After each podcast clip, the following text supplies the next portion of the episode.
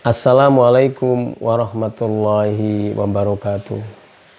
Alhamdulillahi rabbil alamin wa bihi nasta'in ala umuri dunya waddin wa la alihi wa sahbihi ajmain amma ba'du.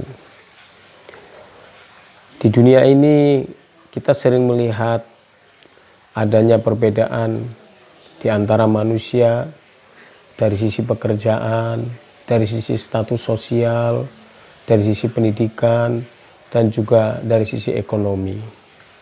Kita ada orang yang derajatnya lebih tinggi dan juga sebaliknya ada yang derajatnya lebih rendah. Kita juga menyaksikan ada orang yang mereka itu beriman dan juga sebaliknya mereka adalah orang yang kafir yang tertutup hatinya dari uh, Allah Subhanahu wa taala.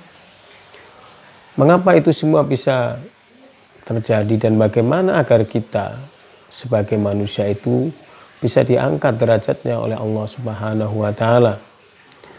Di dalam surat Al-Mujadalah ayat 11 Allah berfirman Bismillahirrahmanirrahim Yarfa'illahu alladhina amanu minkum walladhina utul ilma daraja Yang artinya Allah akan meninggikan orang-orang yang beriman di antaramu dan orang-orang yang diberi ilmu pengetahuan beberapa derajat.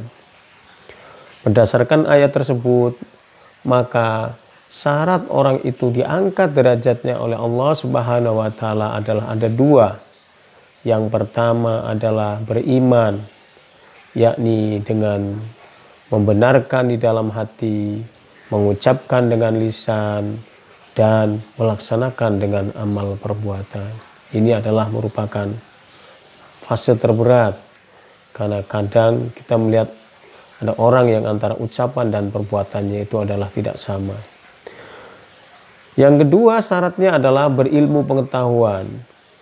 Dengan ilmu pengetahuan yang dikuasainya itu, maka orang itu tidak hanya akan mendapatkan posisi yang strategis, kedudukan yang bagus secara ekonomi, secara sosial, tetapi juga dia juga akan diangkat derajatnya oleh Allah Subhanahu wa taala.